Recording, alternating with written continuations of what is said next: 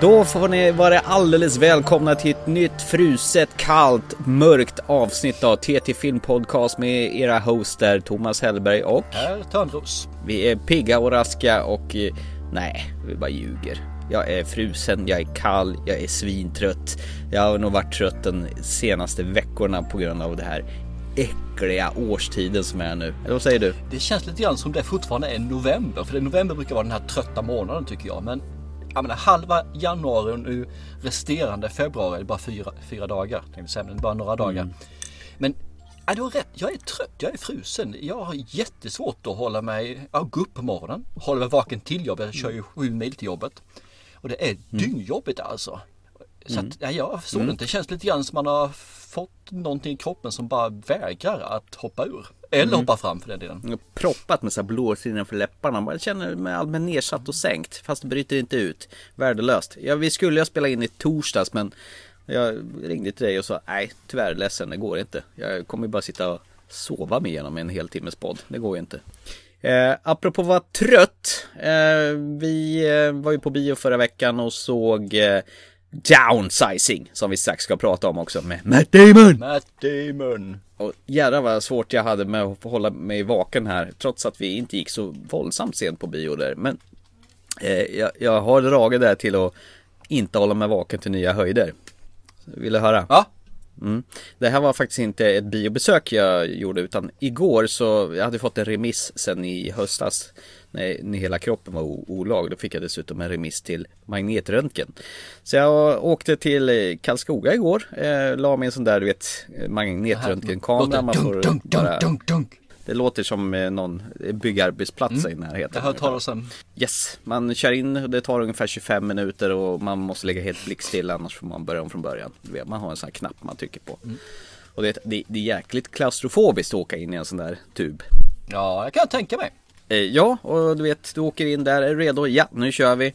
Och du vet, när man åker in då har man en, kanske några centimeter ovanför näsan bara ett vitt tak som sticker upp. Jag tänkte, nej jag blundar istället och så försöker jag slappna av så mycket som möjligt.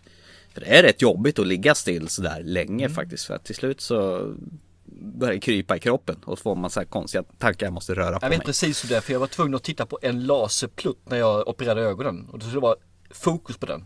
Och det är jävligt jobbigt liksom, Ja. att fokusera på att göra något stilla. Så jag förstår precis. Eh, halvvägs igenom det där, då hör man, ah, nu är det faktiskt bara två kamerasessioner kvar. Men bara, vad, är det inte färdigt än? Och, och så liksom känner jag, ja, ja, jag, jag liksom börjar tänka på något annat. Och rätt som det är, så somnade jag. Mitt under, så zonade jag ut. Jag menar, då, då är det ju någonting som är fel alltså. Man är ju inte riktigt pigg och med och alert när man till och med somnar under en magnetröntgensektion. Jag är imponerad säger jag absolut. För det är, det är ju inte tyst som sagt var utan det är ju ett rejält knackande ljud. Så att jag sa, jag, jag tror jag somnade till lite grann. Ja, det var ju imponerande sa Ja, De flesta brukar vara rätt, ligga på helspänn när de ligger inne.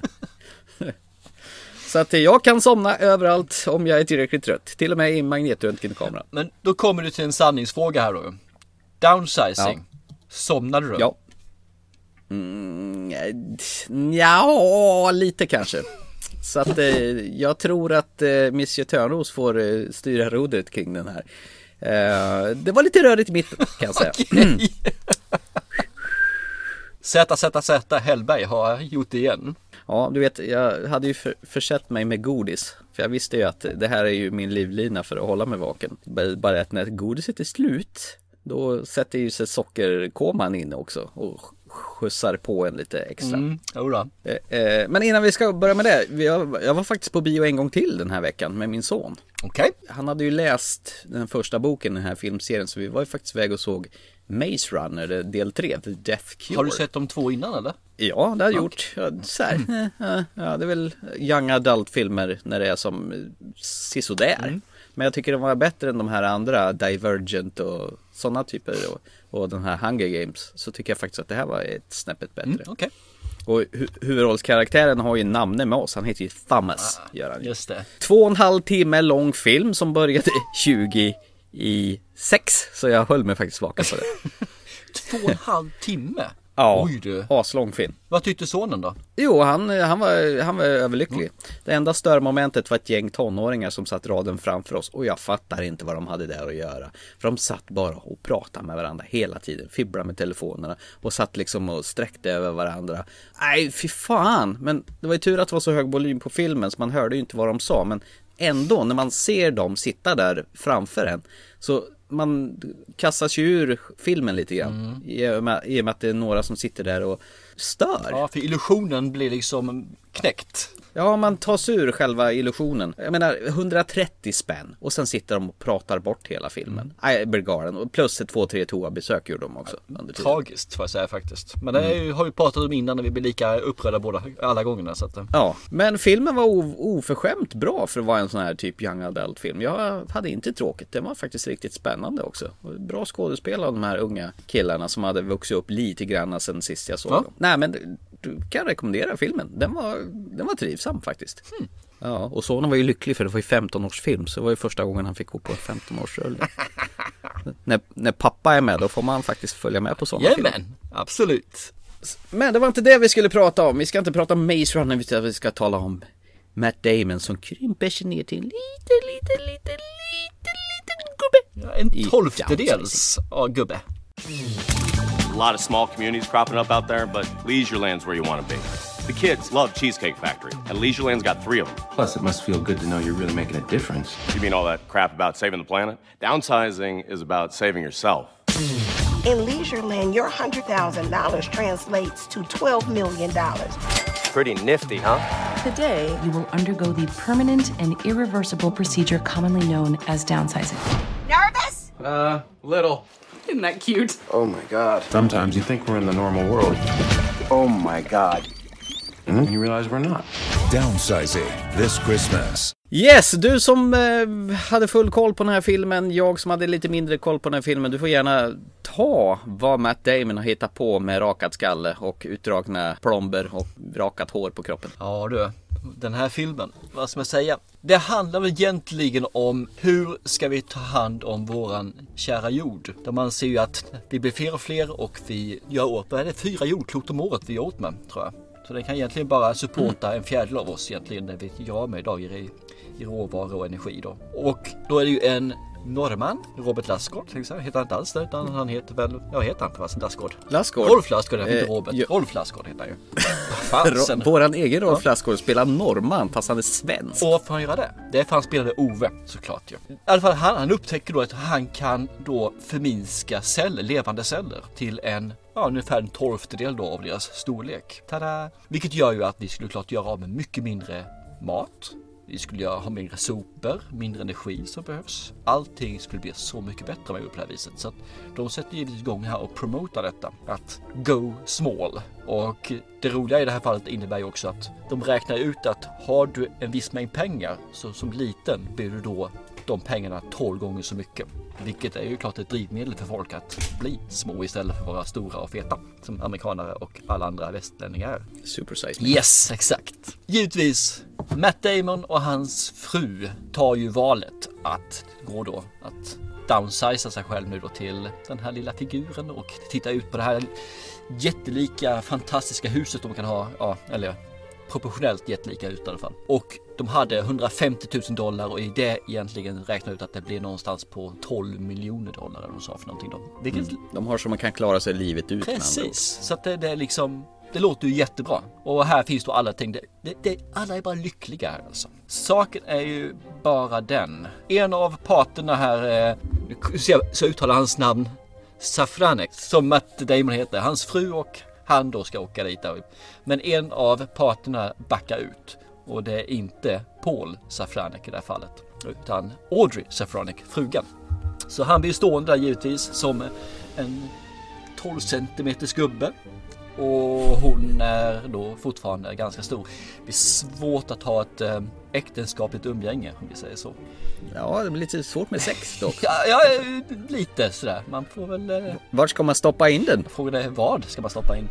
Men äh, nu glitchar vi långt utanför anständigheterna här alltså. Eh, det innebär ju givetvis att som USA det blir efter mycket om och men och eh, hur saker och ting ska gå till och sånt där så blir han ju givetvis skillnad på varenda krona i stort han har. Så han kan ju inte leva det här lyxlivet längre utan han får ju flytta till en lägenhet och börja jobba som telefonförsäljare. Det är väl här han stöter på sin granne som är lite så här, vad, vad kan man säga om eh, Dusan?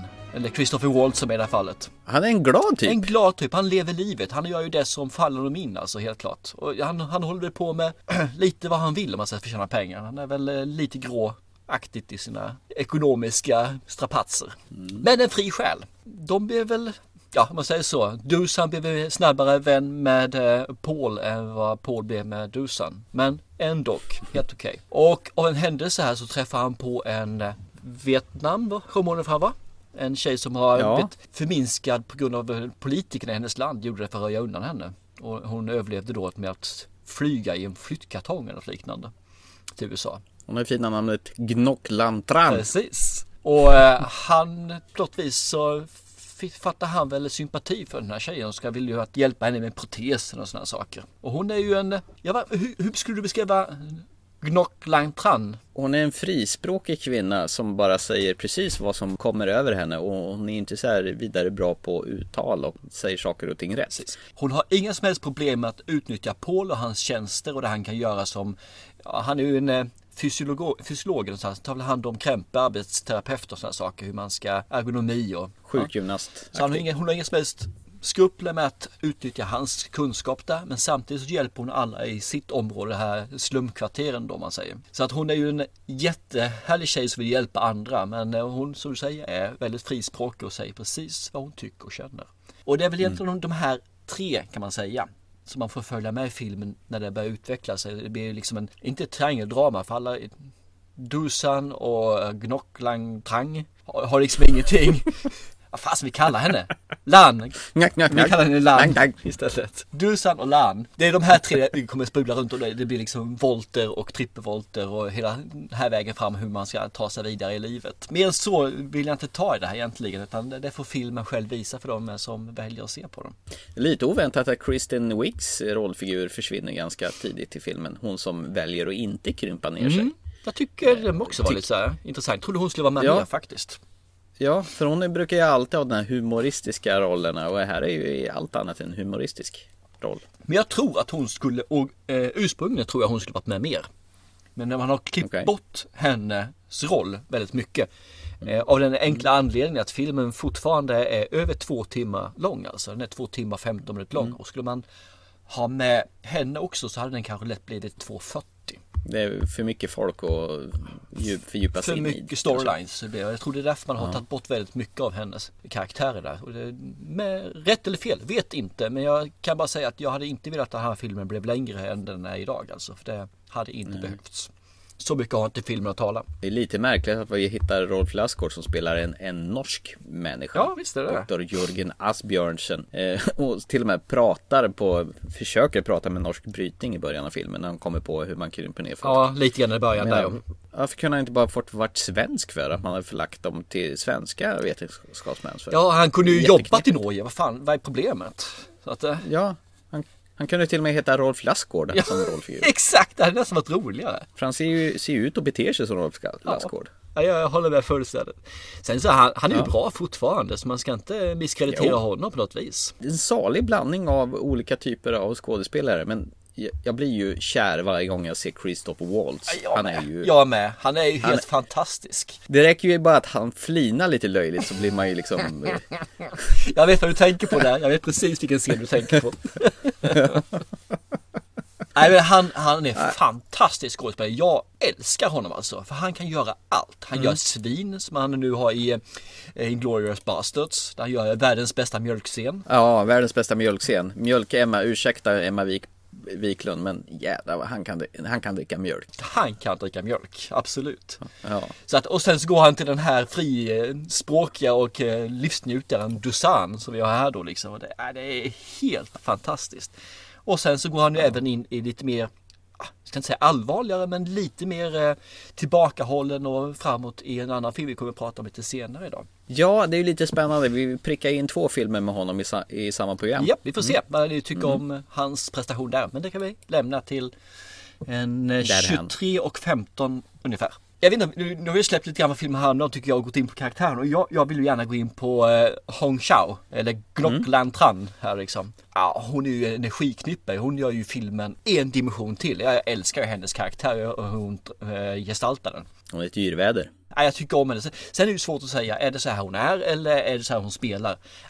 I, don't care. Jag tycker om henne i alla fall. Alltså, hon gör den här filmen mycket bättre än vad det skulle varit annars. Och jag tror det är ytterst få som skulle ha lyckats göra den så pass bra som hon gjorde faktiskt. Hon var klippt och skuren. Allvarligt talat, eh, Matt Damon, tycker han är bra eller hade det kunnat vara vem som helst som spelade hans roll här? Han är ganska beige tycker jag i den här filmen. Men det ska han ju vara också. Han ska ju vara en beige. Han är väl ju hans roll, rollfigur. Ja, han är ju liksom en eh, nobody egentligen. Ja, Han är liksom Mm. rätt misslyckad när det gäller den stora världen. Han går med skulder så upp över öronen, mer eller mindre Han kan inte flytta till ett större hus eh, som han skulle vilja. Och det här köret då. Men, men när Matt Damon behöver göra den här. Nej, jag tror att det fanns många som skulle göra den lika bra och antagligen lite bättre också. Men han Mm. gör ju för den sak skulle inte dåligt alltså. För han, han, är, han, han är en solid skådespelare faktiskt. Visst är det Vi skojar väldigt ofta om han när jag säger Matt Damon och så här. Eh, jag tycker han har blivit bättre än vad han har varit innan. Han har också fått lite så här, lite skinn på näsan, lite erfarenhet och han gör så mycket mer nu än bara är skådespelare. Så han skriver, han håller på så här, regisserar ju. Så att, Jag gillar ju The Martian som han gjorde när han var Oh. ensam på, på Mars och började odla och greja för att vara lite MacGyver-aktig för att överleva. Och har ni inte läst boken så gör den för den är ännu bättre som vanligt. Men den där har man ett steg till. Den är fantastiskt bra. Han har gjort mycket Matt Damon, det får man ju säga. Låt det vara osagt där. Jag, jag tycker han är bra skådespelare men han är inte en av mina favoriter. Eh, Och det han är inte efter den här heller faktiskt. Alltså jag tycker det är ett så spännande en sak med den här filmen att har man väl bestämt sig för att krympa ner sig så kan du inte vända på processen. Du är liten, då, är, då fortsätter du vara liten. Yes. Och just det här att hans fru får kalla fötter och bara säga nej, du kommer hata mig men jag kan inte göra det här. Hon eh, inser att det är jobbigt att få ögonbrynen avrakade och håret på skallen. Precis. Hon inser att jag kan inte göra det för dig, för din skull. Och snacka vilken ångest för hans del på andra sidan och inse att hon sket i mig. Vilken jäkla punch i, i ansiktet. Ja, med tanke på att han vill göra det här tillsammans med henne. Han vill ju inte göra det själv utan han vill ju göra det tillsammans. Nej. Att, har de inte känt varandra så bra? Nej, kanske. eh, regissören här Ja, men- förresten. Känner du igen honom någonstans? Alexander Payne? Eh, jag vet att han har gjort en film som heter Sideways Där de åker runt och dricker vin i massa vindistrikt Som jag ännu än idag inte har sett men har hört ska vara jäkligt bra Det är väl ungefär vad jag vet om den regissören Eh, Fyll gärna på The Descendants vet jag också. Ja det är ju med eh, George Clooney va? Den är också riktigt mysig. Den tycker jag faktiskt är värd att se om man inte har sett den. Eh, det är en karaktär till som jag hade svårt att placera. Jag kände igen honom men visste inte riktigt vem det var. Konrad. Udo Kier. Eller Ja, Kier eller det. vad han heter för någonting. Jag, ska, jag, jag känner igen honom därifrån men jag vet i bövlen vad han har gjort för någonting. Men det är väl säkert en sån här birollsgubbe som du ser lite varstans Det måste vara det, för han, eh, han har de här intensiva ögonen som bara sticker fram liksom. Han, eh, ja, man riktigt känner hur han petar på en med ögonen genom, genom filmduken. Du menar en Cillian Murphy-look gubbe? Typ, Ja. ungefär. Fast det är inte lika psykopatisk. Alltså nu har vi fått lära oss att det heter Killian Murphy och inte Cillian Murphy Jaha, har vi gjort det med? Okej. Udo Kier, det är ett jäkla läskigt namn heter Udo Kier! Det är ungefär som att Ein Schwein Udo Kier, ein Bier bitte! Ja, men lite grann en sån här person som, ska, som skulle kunna spänna fast dig vid en bänk och sen så tortera dig bara för skojs skull. Trycka en gagball i munnen och sen eh, spread your legs. Ja, jag tänkte mer på här är en tång och du drar ut naglarna och tänder och sen så punkterar vi ena ögat och går in genom örat för att göra det. ja, det är t- helt två olika infallsvinklar där. Ja, precis. Men helt okej i den här filmen också. Jag tycker han, eh, med, med de få tillfällen han har att göra sin roll i den här filmen, så, så gör han det eh, laid back. Ja, jag tycker han är helt okej. Jag säger, filmen är helt okej. Det, det är det som är egentligen genomlysande. Den är lite beige. Den är ganska uppenbart vad den vill göra för någonting. Jag menar, folk downsizar sig för de vill bli rika. Även en vanlig medelmåtta vill alltså kunna känna sig rik och göra det som alla de här ultramiljonärerna gör. Jättebra, vi har en värld som håller på att gå åt skogen och det enda vi kan göra något åt för att den ska återhämta sig är att vi konsumerar mindre. Och det gör vi genom att göra folk mindre i det här fallet. Men vi ska fortfarande ha det lika bra. Vem tror du uppskattar den här filmen då? Vad för slags publik riktar sig den här filmen mot? Är det unga, äldre? Oj du, den är svår. Är det en smal grupp människor som... För det är ju, det är ju en dramakomedi det här. Eh, som försöker, tror jag, att säga någonting mer än den lyckas. Men att eh, jag tror att nästan vem som helst skulle kunna se den här, alltså vilken ålder som helst skulle kunna se den. Men Mm. jag tror att det är mer faktiskt, den som tycker om den här filmen är nog faktiskt oftast runt 30-årsstrecket. Jag tror det är därför Mm. du, har det här med att känna att du vet hur det är att ha ekonomin idag och skulle vara rätt så stimulerande och göra sakerna och kunna göra helt plötsligt bli jätterik. Mm. Du måste ha Ja, jag igenkänningsfaktorn tror där. det alltså. Och- Eller att du då känner att ja, men jag skulle också vilja göra någonting. Att det här med miljöfrågor är viktigt. Kanske inte vill göra det men jag tycker att det är intressant. Och det här är faktiskt en intressant tanke. Och hur man än ser på det så är det faktiskt en intressant tanke. Eh, Jag kan ju inte riktigt säga bu eller bä där för att det, som som sagt det var ju lite rörigt i mitten helt plötsligt så var det någonting som brann till och så ramlade det ner någonting och sen var filmen slut typ Och vet du vad det helt fantastiska är? Jag förstår precis vad du menar i det fallet, vad som hände. Det gick ett fniss över hela biosalongen, vi var inte så många men det fnissade lite varstans där och det var någon som inte kunde sluta Fast du säger att det fnissa. var inte så många. Det här var mitt i veckan och salongen var ju nästan halvfull. Va? Nej, var den? Det var ganska många. Hur, hur mycket sov du egentligen? Ja, Gick de halvvägs eller? Du ser, jag är ju i någon annan konstig sömnbubbla så jag vet inte. Vi, vi, vi kanske ska gå vidare. Tror det känns som det, absolut.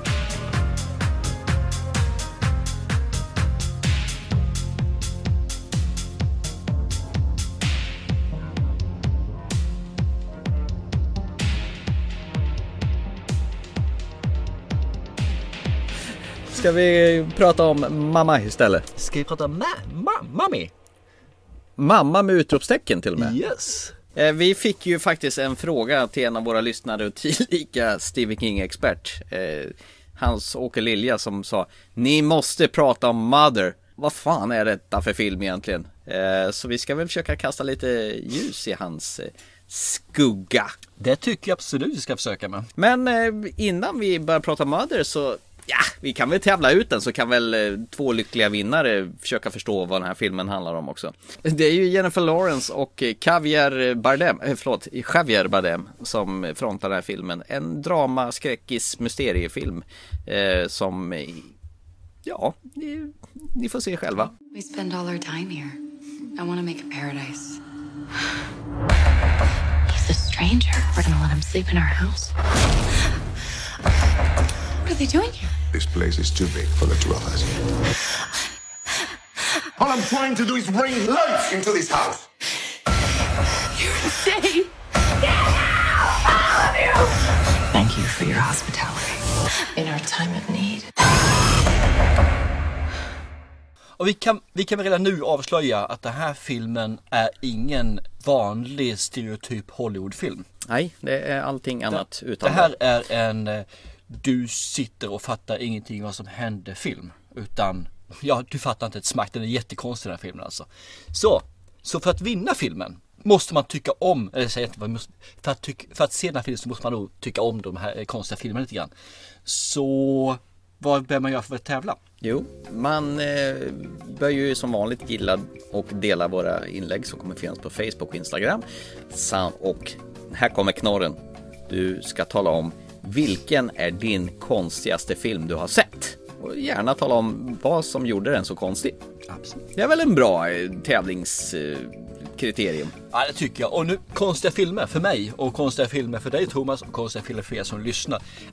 Det kan ju vara vad som helst. Så tala bara om vilken, vad filmen är för någonting och så hur du upplever den här konstigt. Ganska enkla tävlingsregler. Och när vi ändå är igång och tävlar så tar vi och slänger ut också den aktuella, Blu-ray-aktuella filmen Kingsman med Golden Circle, alltså uppföljaren.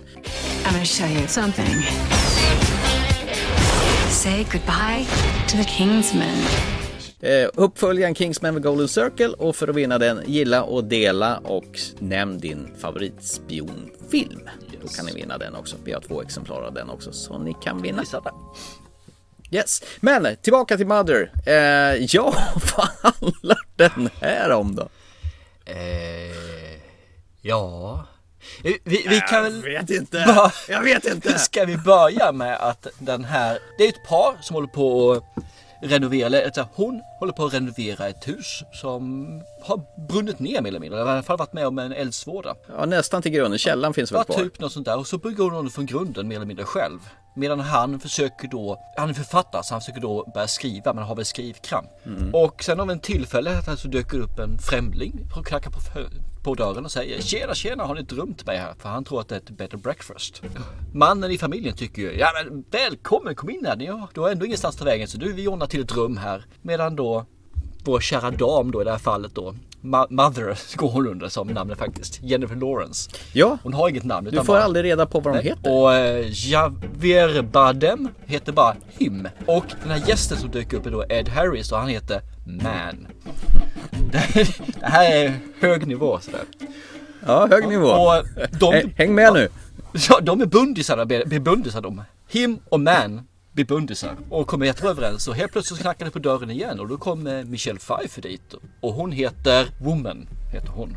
Ja, tyckte du hon var snygg? Hon, hon har alltid sett bra ut som hon gjort. Och hon ser fruktansvärt bra ut fortfarande. Saken är väl den att frugan i det här fallet, Mother, tycker ju verkligen inte om de här personerna. Utan vill ju att de ska bort. Medan eh, Him, mannen i familjen då, tycker men det är kul att vi får lite nya intryck och sådana saker som kan hjälpa till att liva upp ställen istället här lite grann. Och jag kan verkligen ha hjälp av det här. Sen kommer det mer folk. Det kommer alltså Younger Brother, Older Son och så vidare och så vidare och så vidare liksom. Såg du vilka det var då? Nej, det gjorde jag inte. Det var ju de här äckliga bröderna i Harry Potter. eh, eh, Dom Hal Gleeson och Brian Gleeson. Äkta bröderna. Det missade Eh, jag. Åh fasen. Alltså det gjorde ja. du? Ja. Mm. De trillar in och är jättearga på varandra. Precis. Ena händer och det andra händer och det rullar igång och helt plötsligt så dör en av bröderna. Det här blir ju att det blir ju extra stökigt. För de åker Mm. iväg och helt plötsligt så kommer de tillbaka med ett helt stort följe. Som då ska ha, jag vet inte vad man kan säga för någonting. Det är ju inte likvaka men något liknande ska de ha i hemmet. Och det är alla vänner som de känner kommer liksom. Ja, de ska väl ha någon slags sån här, nu ska vi minnas eh, sonen och Precis. han bjuder in dem till att hålla någon slags efter begravningskaffet eh, fest eller vad man ska Typ säga. ett sånt. Så här långt i filmen så är det här en vanlig film. Den är konstig, den är udda, men den är fortfarande vanlig och det, den känns som att ja, men jag, jag, jag förstår ungefär var jag är på väg någonstans. Det varar inte så länge. Det är ändå lite märkligt att han bara bjuder in alla sådär och hon är helt avigt i det hela. De är som helt två motpoler till varandra. Hon är reserverad och han välkomnar hela världen i sina armar. Jajamän. Efter det här, då blir det konstigt. Det är lite konstigt innan, Ja. men nu blir det konstigt med stort K. Gärna understruket, röd text, blinkande med sådana här stjärnor runt också. För det här är bland det konstigaste jag har sett på länge alltså. Jag tror inte vi ska berätta mer vad som Nej, händer. det ska vi inte göra. Men det här är konstigare än Neon Demon. Och den var konstig. Det är ju regissören som gjorde Black Swan, eh, Darren Aronofsky, du vet Han som gjorde den här eh, ballettfilmen med, vad heter hon nu igen? Natalie Portman heter hon ju Den var inte heller så normal Eh. Så att han har ju någon, någon jäkla förkärlek till att göra komplicerade filmer som du överhuvudtaget inte riktigt ska få grepp om. Det, det jag känner med det här är att det är ju en film som är Den börjar ganska normalt precis som du säger. Men sen eh, kastar, de, kastar de ju ut lite ledtrådar som du aldrig riktigt får förklarade. Eh, och ibland känns det som en så här regelrätt home invasion film. Och ibland så blir det något helt annat. Men du får hela tiden, har du tänkt på det? Du får hela tiden se filmen från hennes perspektiv. Hon är med i varenda scen. Du får se bakom ryggen på henne, du får se snett uppifrån henne. Du följer Mother i alla scener i hela filmen. Du, du följer henne från hennes perspektiv. Det är rätt fräckt gjort faktiskt. Ja, jag tycker om det också. Det, det, det är som säger, det- allting kretsar just Alltså, kring Mother. Det är hon som är filmen, Ja. eller berättelsen, eller vad man säger. Sen hoppar de lite granna i De jävlas lite med tidslinjen tycker jag Ibland är det liksom en det, det händer nu men sen kan vi hoppa lite framåt i tiden och man vet inte riktigt Jaha hur lång tid har det gått nu då? Eh, och det tror jag också är ett medvetet val för du liksom ska tappa greppet om Du tror att du är på spåren men helt plötsligt så sparkar de undan benen på dig och bara kastar in dig på något helt annat spår. Så att det är ju allt annat än en rak berättelse från punkt A till B det här. Finns det någon berättelse i den här alltså? Det är ju det som är saken. Ja, men det gör det. Kanske. Kanske, precis. Hon renoverar, han kan inte skriva. Han bjuder in folk, hon är sur på att han bjuder in folk. Shoot, vi köper det. Mm. Kommer konstiga människor och beter sig jävligt skumt. Ja. Men det är ju spännande att de har samlat eh, Jennifer Lawrence och Javier Bardem och Ed Harris och Michelle Pfeiffer och Brenda Gleeson till det här. Plus en hel del massa annat folk också. Ja, eh, jag har svårt här nu. Jag märker att det stammar och jag vet liksom inte hur jag ska ta vägen med den här filmen. Jag kan inte berätta någonting. För berättar jag någonting så kommer det bli eh, osammanhängande och ni kommer inte fatta ett smack. Och jag kan inte berätta någonting. För jag vet knappt att jag har sett någonting. Jag såg den här filmen för ett tag sedan och efteråt så satt jag och tänkte Jaha, okej. Okay. Och sen bildade man en uppfattning om vad egentligen filmen handlar om och vad det går ut på. Och jag har kört. Och jag håller fast vid den tesen och den ska du och jag prata om efter programmet. Vad är det Mm. vi har sett? Och så ser vi om vi har samma Mm. infallsvinkel på vad egentligen filmen handlar om. Men känslan i filmen är ju, den är ju kaotisk alltså. Det, det, är, man, det kommer så mycket intryck mot den hela tiden så bara kastar det som att få en hink kall med vatten på den hela tiden alltså. Det osar ångest. Man upplever hennes ångest över att hon får fan inte vara i fred. Nej, hon får inte vara med bestämma. Hon får inte bara ta hand om sitt hem, sitt hus, sin make, sitt liv. Utan hela tiden är det någon Nej. som petar på henne, trycker på henne, irriterar henne lite grann. Det är som den här när man har en eh, fästing mellan skulderbladen. Man kan inte dra bort den för man Mm. når den. Men man känner att den finns där hela tiden. Eh, märkte du en sak? Det var ingen filmmusik i den här filmen överhuvudtaget. Nej, sånt, Överhuvudtaget. sånt tänker inte jag på. Det var bara knarrande golvplankor, dörrar som öppnar och stänger. Men inte en enda ton av filmmusik. Möjligt lite så här dova ljudeffekter som vävdes in på rätt ställe ibland där det behövdes. Ja, det är väl ett fåtal gånger man har gjort så, sådana tilltag. Sen var ju filmen väldigt grynig, med- men det hade ju sin förklaring. För, för Karn har ju filmat på sån här 16 mm Kodak analogt. Jag såg lite bakom filmen vad han ville med. Det är hans typ trademark och, och filma på sån typ sätt. Han, han gillar inte det här cleana digitala som de flesta gör Okej. nu. Utan, så filmen ser ju lite gammaldags ut i produ produktionen på grund av att den är filmad på riktig Alltså film som förr i tiden. Man stoppar in en stor jävla kamerarulle och så kör man på den till den är slut och så byter man. Jag tyckte om det. Det får jag säga. Det är kanske Ja. därför som den eh, gav liv filmen än vad den gjort annars. Jag återkommer tiden att den är en konstig film. Att den är väl, väl, finns liksom ingen Ingen röd tråd som man förstår, det finns ingen förklaring. Men jag blev fångad i filmen. Jag ville se klart den här. Jag ville verkligen förstå, få den här förklaringen i slutet av filmen. Att vad är det jag har sett? Vad hände egentligen? Och jag tycker om slutet. Jag tycker verkligen om det slutet säger jag. Det gör faktiskt jag också. Jag tyckte de fick till det där riktigt, riktigt jäkla bra. Men jag är fortfarande osäker på om det jag tror jag har sett är det jag verkligen har sett.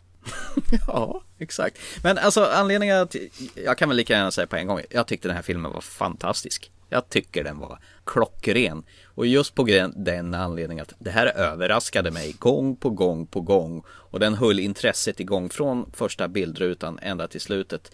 Och man blev chockerad längs vägen och man blev förundrad. Och man blev så här, men vänta nu, nu förstår inte jag. Och, och det är precis så det ska vara.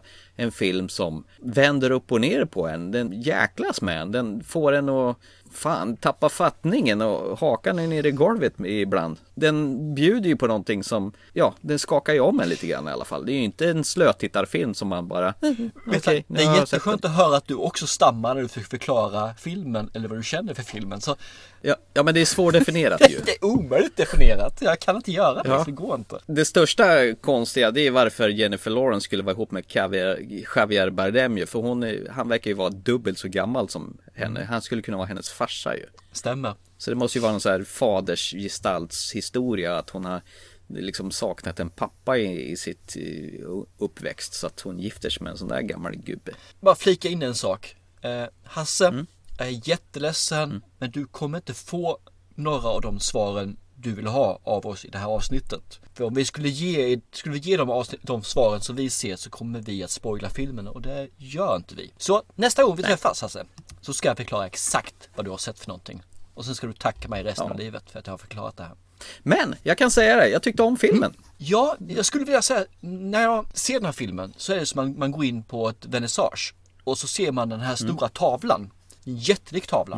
Och så är det någon som har smetat, kastat, kladdat färger i olika former. Det finns hus som är jättebra målade, så finns det bara kladd och sen finns det ett landskapsmotiv och sen finns det ytterligare kladd och sen finns det svart, vitt, rött. Hela den här duken är fullt med allt och den lyser verkligen av med kontraster och färger och strålar ut det här.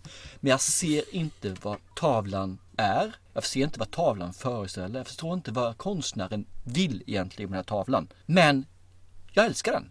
Kanske för att jag inte förstår den. Kanske för att jag inte får den levererad med att det här är lilla huset på prärien. Utan bilda en uppfattning själv. Vad är det här för tavla? Eller då film i det här fallet. Jag tycker om det här också. Det var inte någon som levererades på ett fat och sa det här är filmen. De säger att det här är en drama, horror, mystery. Kanske, kanske inte. Jag vet inte. Det enda jag kan säga är att när jag såg filmen så var det inte ett smack vad jag trodde jag skulle se. För jag trodde jag skulle få något helt annat levererat till mig. Det här var bättre än vad jag trodde och det jag förväntade mig skulle, att jag skulle få se. Det här var mycket bättre än jag förväntade mig. Det var en målad beskrivning där. Ha- Hajar du? Tavla, måla. Tyvärr så får jag nog säga att det är nog en liten klick som verkligen njuter av den här filmen. För du måste vara lite störd för att tycka om den. Och det är ju vi Ja, då. du är mycket störd så du älskar ju filmen. Aj, det gjorde Ja, jag med. såklart. Ja, ja. Men du, Michelle Pfeiffer, bara hoppa in på henne. När såg du henne senast? Eh, jo, när jag såg den här, då, då såg jag henne ganska ordentligt. Och innan dess? Eh, Batman Returns kanske? Okej. Dangerous Minds? Jag såg... Nej, What Lies Beneath med eh, Harrison Ford? Ja, Okej. Kanske? Nej, fan det var skitlänge sedan jag såg henne Jag faktiskt. såg henne Jag kan inte 2007 komma- i Stardust. Där hon är häxa. Ja, den här uh, Hokus Pokus-filmen ja. Ja. ja. Nej men det är kul att se henne igen och det är kul att hon är så välbevarad. Det känns som tiden har stannat för Michelle Pfeiffer. Och helt underbart leende. Mm. Love it. Visst är det. Vi kommer inte gå in på Ed Harris för han har vi pratat om så mycket innan så han kan eh, få stå tillbaka idag tycker jag. Ja, fast eh, gillar man att se Ed Harris så ska man ju naturligtvis se den fantastiska serien Westworld som går på HBO som det snart kommer en säsong två på här. Och Fares Fares med i den också. Tro till dig. Okej. Jo, du, vi får- en sak till måste jag ta. Jennifer Lawrence, hon ska faktiskt eh, medverka i en annan film som jag tror kan vara rätt så okej. okej. I Red Sparrow som kommer idag, i år. Ja, någon, eh, den här ry- ryska avhopparen eller Precis, eller vad hon är, precis. Det är det som jag... Det är återigen, det här Atomic Blonde och nu kommer Red Sparrow. Det verkar som de eh, går mot kvinnliga agenter som är lite tuffa. Och Det tycker jag eh, kan bli intressant. Och ja, bara en sak till. Hunger Games och de här sakerna där för mig mer eller mindre slog igenom. Där, där hon blev stor tycker jag. Hon har gått lång väg sedan dess tycker jag. Hon gör den här rollen faktiskt ja. riktigt bra. Och jag tror hon kan bli jättestor. När hon har fått lite mer distans till sig själv kanske. Och jag hoppas hon kan bli en av de här tjejerna som kan fortsätta karriären genom alla åldrar. Inte behöva vara den här unga, attraherande, snygga tjejen och sen så blir hon den här gamla. Utan jag vill se henne genom hela hennes, ja så att säga livscykel om man säger på det viset. Med alla åldrar. Jag tror att det kan bli otroligt spännande. Gött! Gott! Så vi rekommenderar Mother till alla som vill se en knäpp film. Eh, eller så.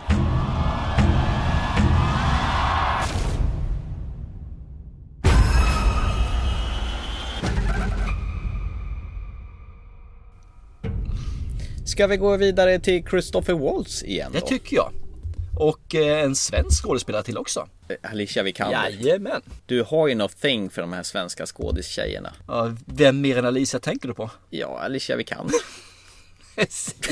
Nej, fakta är att jag- tycker det är jättekul. Jag blev ju såld på henne i Ex Machina. Där hon gjorde ett jättebra jobb alltså. Det är ju den första filmen jag såg henne i och den bästa filmen jag sett henne hittills. Jag hoppas hon blir jättebra i eh, Tomb Raider. Men Ja, det tror jag också. jag är rädd för att Tomb Raider tyvärr är ett nedköp för hennes karriär skådespelarmässigt.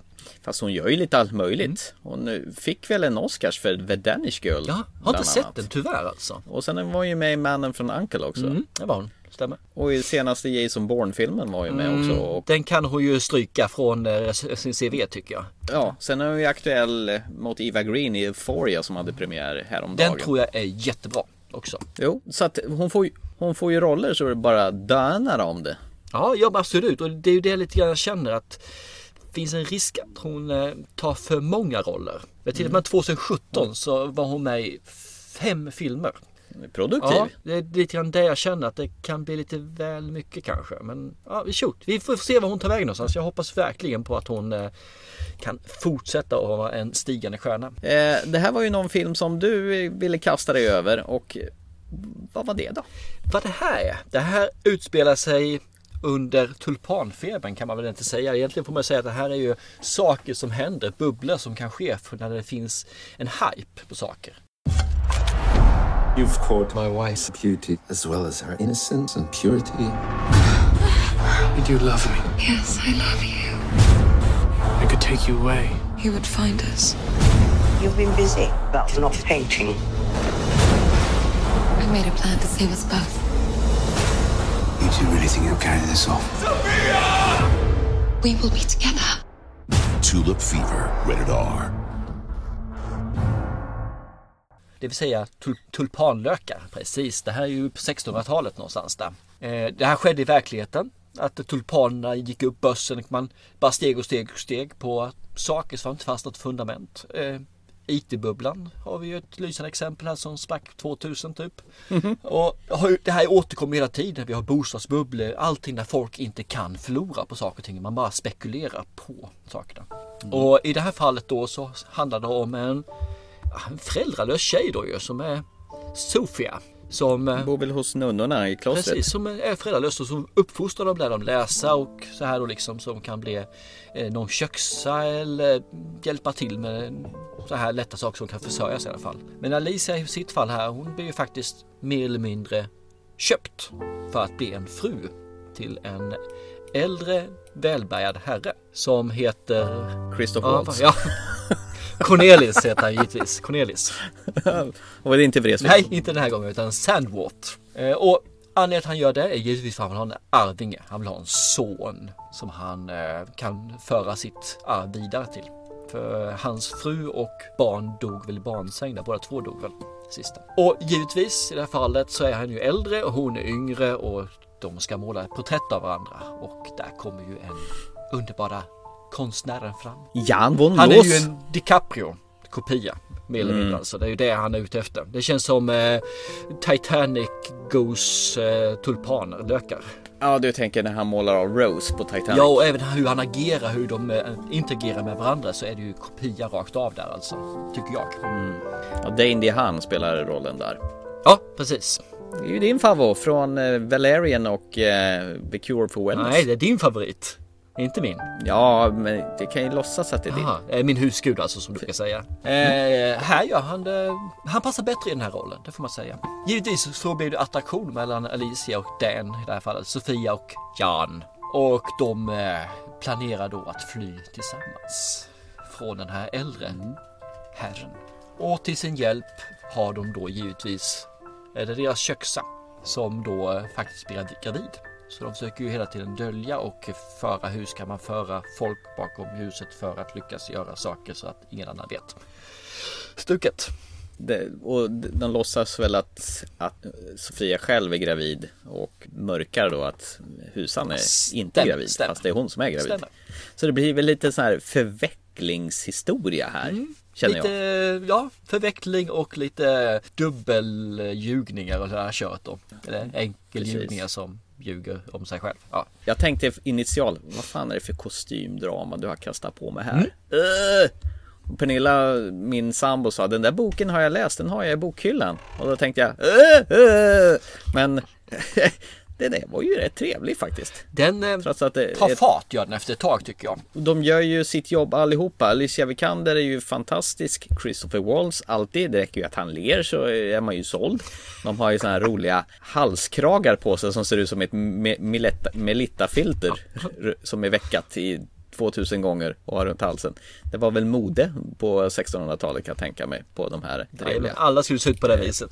Jag kände liksom att skulle man sätta det här i mer ko- komiskt perspektiv då skulle det här kunna vara en sån här äh, fars som du här hittar på sån här Fredrik Buskis, sån här Fredriksdalsteatern historia. Fast de gör ju mer ett drama av det hela och det pendlar ju mer drama än vad mm, komedi i det här. För det är ju rätt så allvarlig ton på den. Ja, allt. men det finns en del eh, komedi i den ju. Det får man ju faktiskt säga. Eh, kanske inte riktigt vad de menade i början, men eh, blev det i alla fall. Ja, visst. Och, men Mm. det funkar tycker jag. Och det, det, det som jag nämnde, filmen är långsam i början. Den tar fart sen. Men den lyfter inte riktigt från marken känner jag. Ja, jag vet inte. Den, den når inte riktigt fram till mig där just det sista där. Det, det är en underhållande film men jag skulle gärna vilja att den lyfte lite mer fart under vingarna, lite mer vind. Alltså jag tycker precis tvärtom. Jag tycker att mot slutet, när filmen är slut, så levererar de ju ett slut som är helt i min smak. Slutet fungerar, det gör det. Det fungerar bra. Ja, Absolut. om du förstår vad jag Ja menar. Eh, och det är inte bara slutslutet utan även innan dess så är det bra. Det, det, det är en dålig film någon gång egentligen. För jag, jag tycker faktiskt om kostymdrama. Det är lite sådär hemskt att säga det men jag gör ju det. Vä- vänta nu, tycker du om kostymdrama? Ja, jag gör det. Jag tycker om det här eh, gunget som är i dem. De är långsamma, de är sävliga och det finns lite så här udda människor i dem. Så, ja, ja, jag vet det lite. Gillar du de här st- st- Stolthet och Jag har fördom inte och sett Emma dem och så jag känner. Jag har inte sett dem. Så Jane Austen rullar och såna här grejer. Då, då är du ju up for a treat i så fall om du går igång på Nej men jag har sånt. inte sett dem så jag har inte gjort faktiskt. Men jag kanske är viss Nej. typ av kostymdrama jag med. Jag kanske har lite mer Ja. än bara det. Det här är nog lite mer lättsammare slaget skulle jag tro. Det som vi såg nu. Nej men jag håller med. Det- här är ju en helt annan typ av kostymdrama. Men ta de här som, eh, vad, heter den här eh, filmen med trollkarlarna? Ja, ja, ja. Eh, det, eh, prestige. Prestige. Där har du en Mm. sån där som är fantastiskt bra ju. Men det är också en kostymdrama Mm. med lite mer fundament där bakom. Liksom, lite mer handlingen Mm. att det bara är liksom eh, skjuta lerduvor och eh, Mm. dricka te med fingret ut i vädret. Men typ sånt där går jag igång på ju. Det satte du pricken på i vad de gör i de där filmerna. De dricker te och så väntar de på att bli bortgifta några rika gubbar från stan. Då kan jag inte tycka om dem i alla fall. Men. Jag ska se den en gång. Jag ska göra. Ja. Eller så ser jag den här alternativet som handlar om zob- zombies kan jag göra istället kanske. Ja, Pride and Prejudice and Zombies ja. De har gjort en Jane Austen-film fast de eh, slaktar zombisar. Jag har faktiskt inte sett den till dags dato. Inte jag heller. Nös du nu eller? Ja, jag höll för micken så mycket jag kunde. Men då, Det lät som hjärnan skulle spruta ut dig över hela podcastmicken. klipp bort den, annars kommer ju folk med lomhördar. Hör du det? Ja, men var det inte kul att se Judi Dench också? För detta M i James Bond var med här och spelade nunna. Ja, det tycker jag var kul. Hon är väldigt äldre men... eh, Hon är ju en solid skådis vad hon Ja, än visst är hon, hon spelar en jävligt bra cool roll måste jag säga. Liten men cool. Nej men hon funkar. Det är så sagt var, filmen funkar. Den, den har allting. Men den har inte det som gör den för att den ska hamna liksom den här eh, wow-känslorna. Men den, funkar jag, jag njuter liksom under hela filmen. Den är liksom bara 1.45 som den andra filmen skulle ha varit. Mm. Eh, downsizing alltså. Och så får du ju lite, alltså, lite utbildning också vad som har hänt en gång i tiden. I och med att det bygger på en verklig händelse det här med att man hade tulpanlökar som valuta. Absolut, det var ju det var hypen. Jag tror faktiskt att flertalet kan finna nöje och se den här filmen också. För det, det, ja, ta det lugnt. Det är en kostymfilm, jajamän. Den är lugn och sävlig och de pratar på ett visst stolt, stolpaktigt sätt. De första 20 minuterna så är den på det här viset. Sen börjar den att gå igång mer. Och så Mjuknar ja, upp lite lite grann så här. Det, helt plötsligt börjar man förstå lite grann vad är de egentligen ute efter. Den har en uppbyggnadsfas som kanske är längre än brukligt. Det, den är värd tycker jag att titta på. Framförallt om du ska ha en stilla hemmakväll och vill du se den här filmen med din respektive så är det tror jag en alldeles utmärkt film att se både för han och hon. Ja, eller mannen ja. Nu ska vi inte vara sån där bara. Kvinna, man. Kan lika vara man, man. Eller kvinna, kvinna. Eh, nej, jag har inte så mycket mer att säga, men det var en, faktiskt en trivsam upplevelse. Så jag är glad att du tyckte att vi skulle ta den här. Trevligt! I loved and I loved and I lost you. What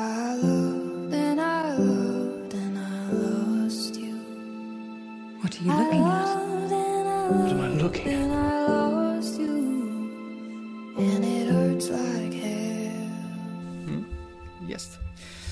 Men du, Nu tycker jag vi går till de tunga artillerierna. Du fick ju uppdrag av mig eh, häromveckan att eh, på förekommande anledning att du såg The Sacred Killing of, nej förlåt, A Killing of a Sacred Deer. Då var det väl inte helt fel att du skulle se eh, Yorgos Lantimos tidigare film med Colin Farrell, The Lobster. If you fail to fall in love with someone during your stay here, you'll turn into an animal. If you encounter any problems, you'll be assigned children. That usually helps. You're like a brother to me. Oh, you're my best friend in the whole world. I don't think I'm your best friend in the whole world. Have you thought of what animal you'd like to be if you end up alone? Yes, a lobster. A lobster is an excellent choice. Apropå knepiga, konstiga, bisarra filmer. ja, den här sällar ju sig lite grann till eh, den skaran. Ja, inte bara lite grann, den sällar sig till den skaran. Filmen och handlingen enligt min förståelse och min förmåga där är att vi är i en, man ska inte säga en framtid, men vi är ett alternativt universum i våran... Så skulle man kunna säga, Som ja. utspelar sig i våran tid. Där eh, det är förbjudet att vara singel. Är du singel så åker du in på ett hotell och där har du ett visst antal dagar på dig att hitta din match. Den som du passar bra ihop så du kan vara tillsammans med resten av livet då. Lyckas du inte med det inom de här dagarna så kommer du att bli en loner. Och loner är ute i skogen och lever och blir jagad av de här som ska, är på hotellet. Och om man säger så, kan fortsätta. Och om en loner då blev, blir fångad och nedskjuten i det här fallet. Lugn och fin, du behöver inte oroa det är bara bedövningspilar. Så det handlar inte om att döda någon, utan det är en, en barnkomedi. Så blir de skjutna då, då blir de förvandlade till ett djur som de har valt tidigare att de vill vara. Och därav namnet The Lobster i filmen. Jag kan avsluta det, avsluta det med en gång utan att ha gjort bort någonting av filmen whatsoever. Han vill bli en hummer. Det här är premisserna för den här världen och den här filmen. Och då får vi givetvis följa en härlig liten eh, underbar färgglad prick. Not.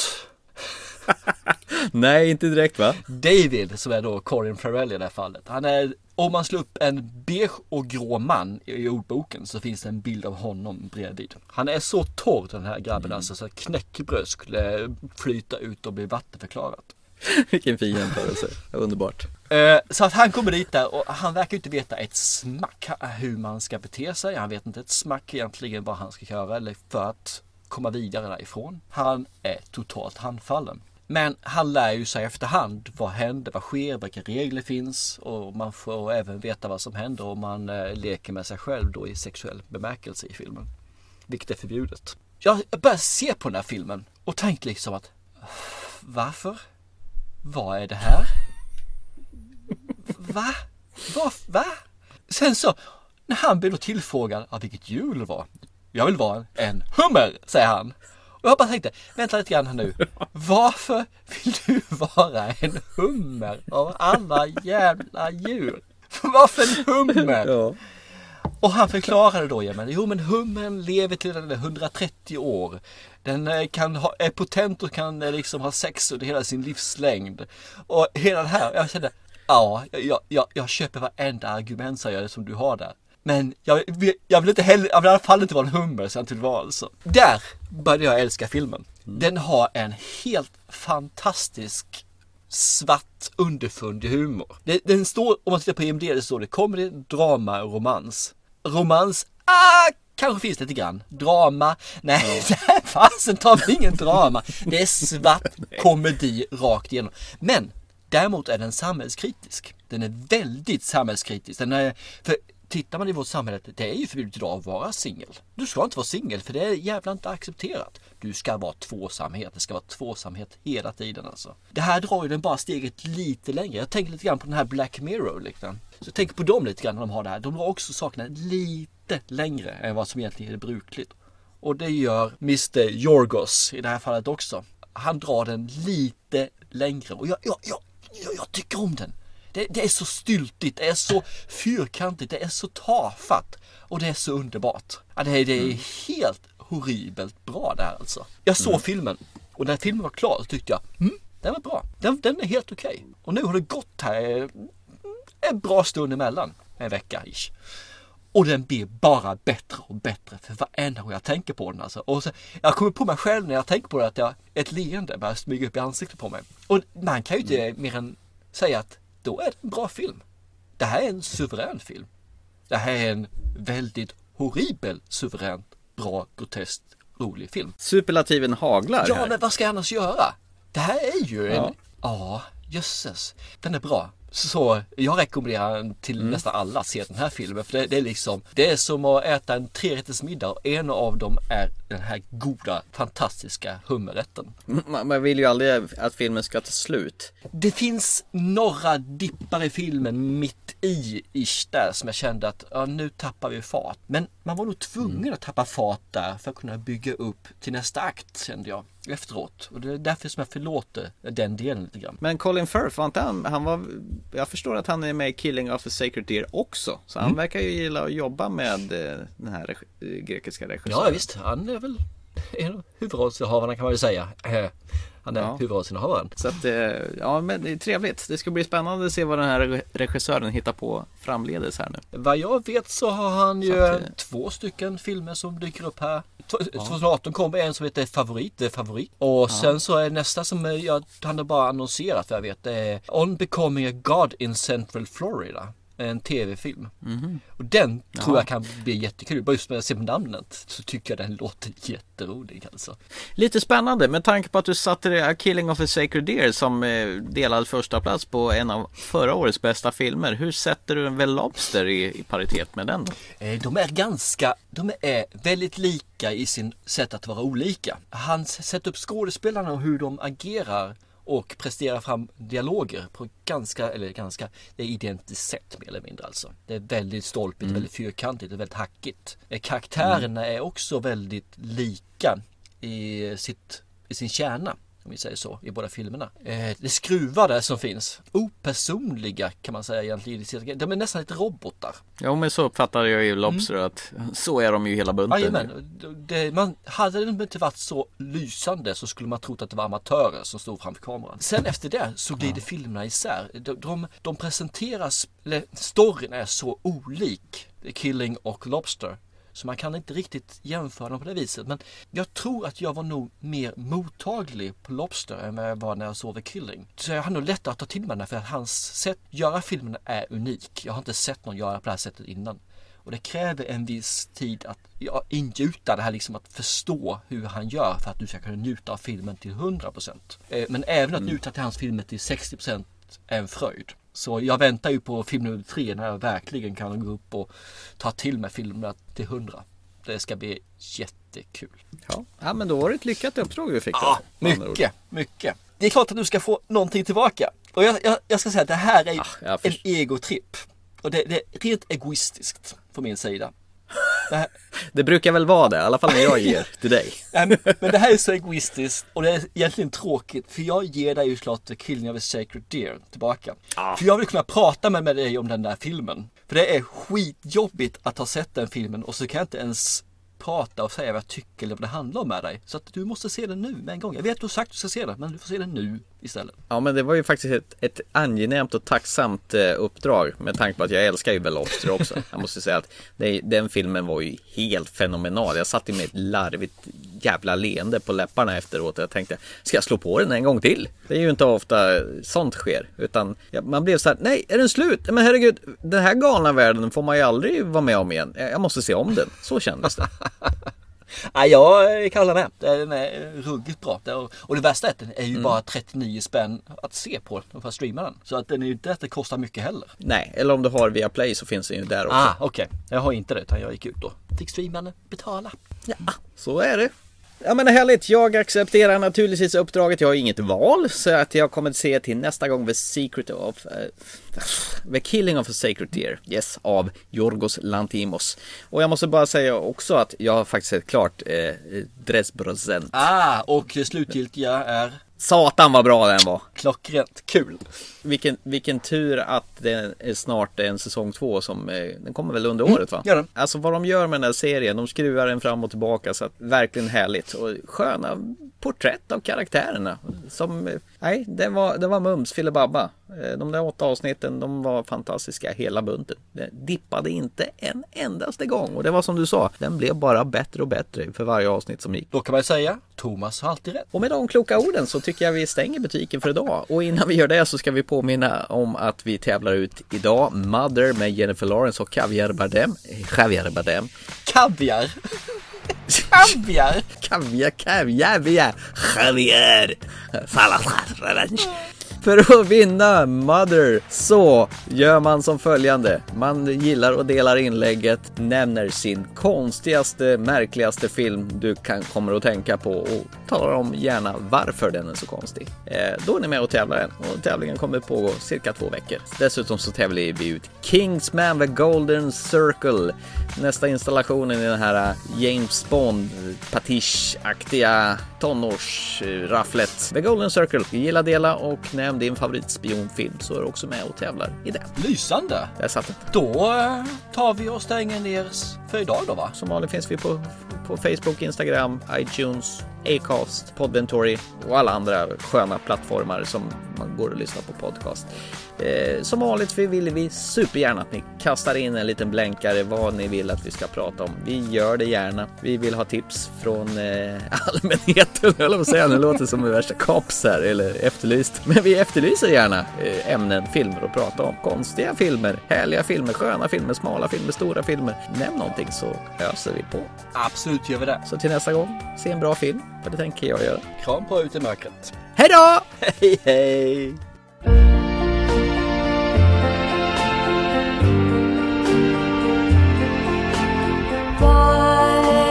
Sun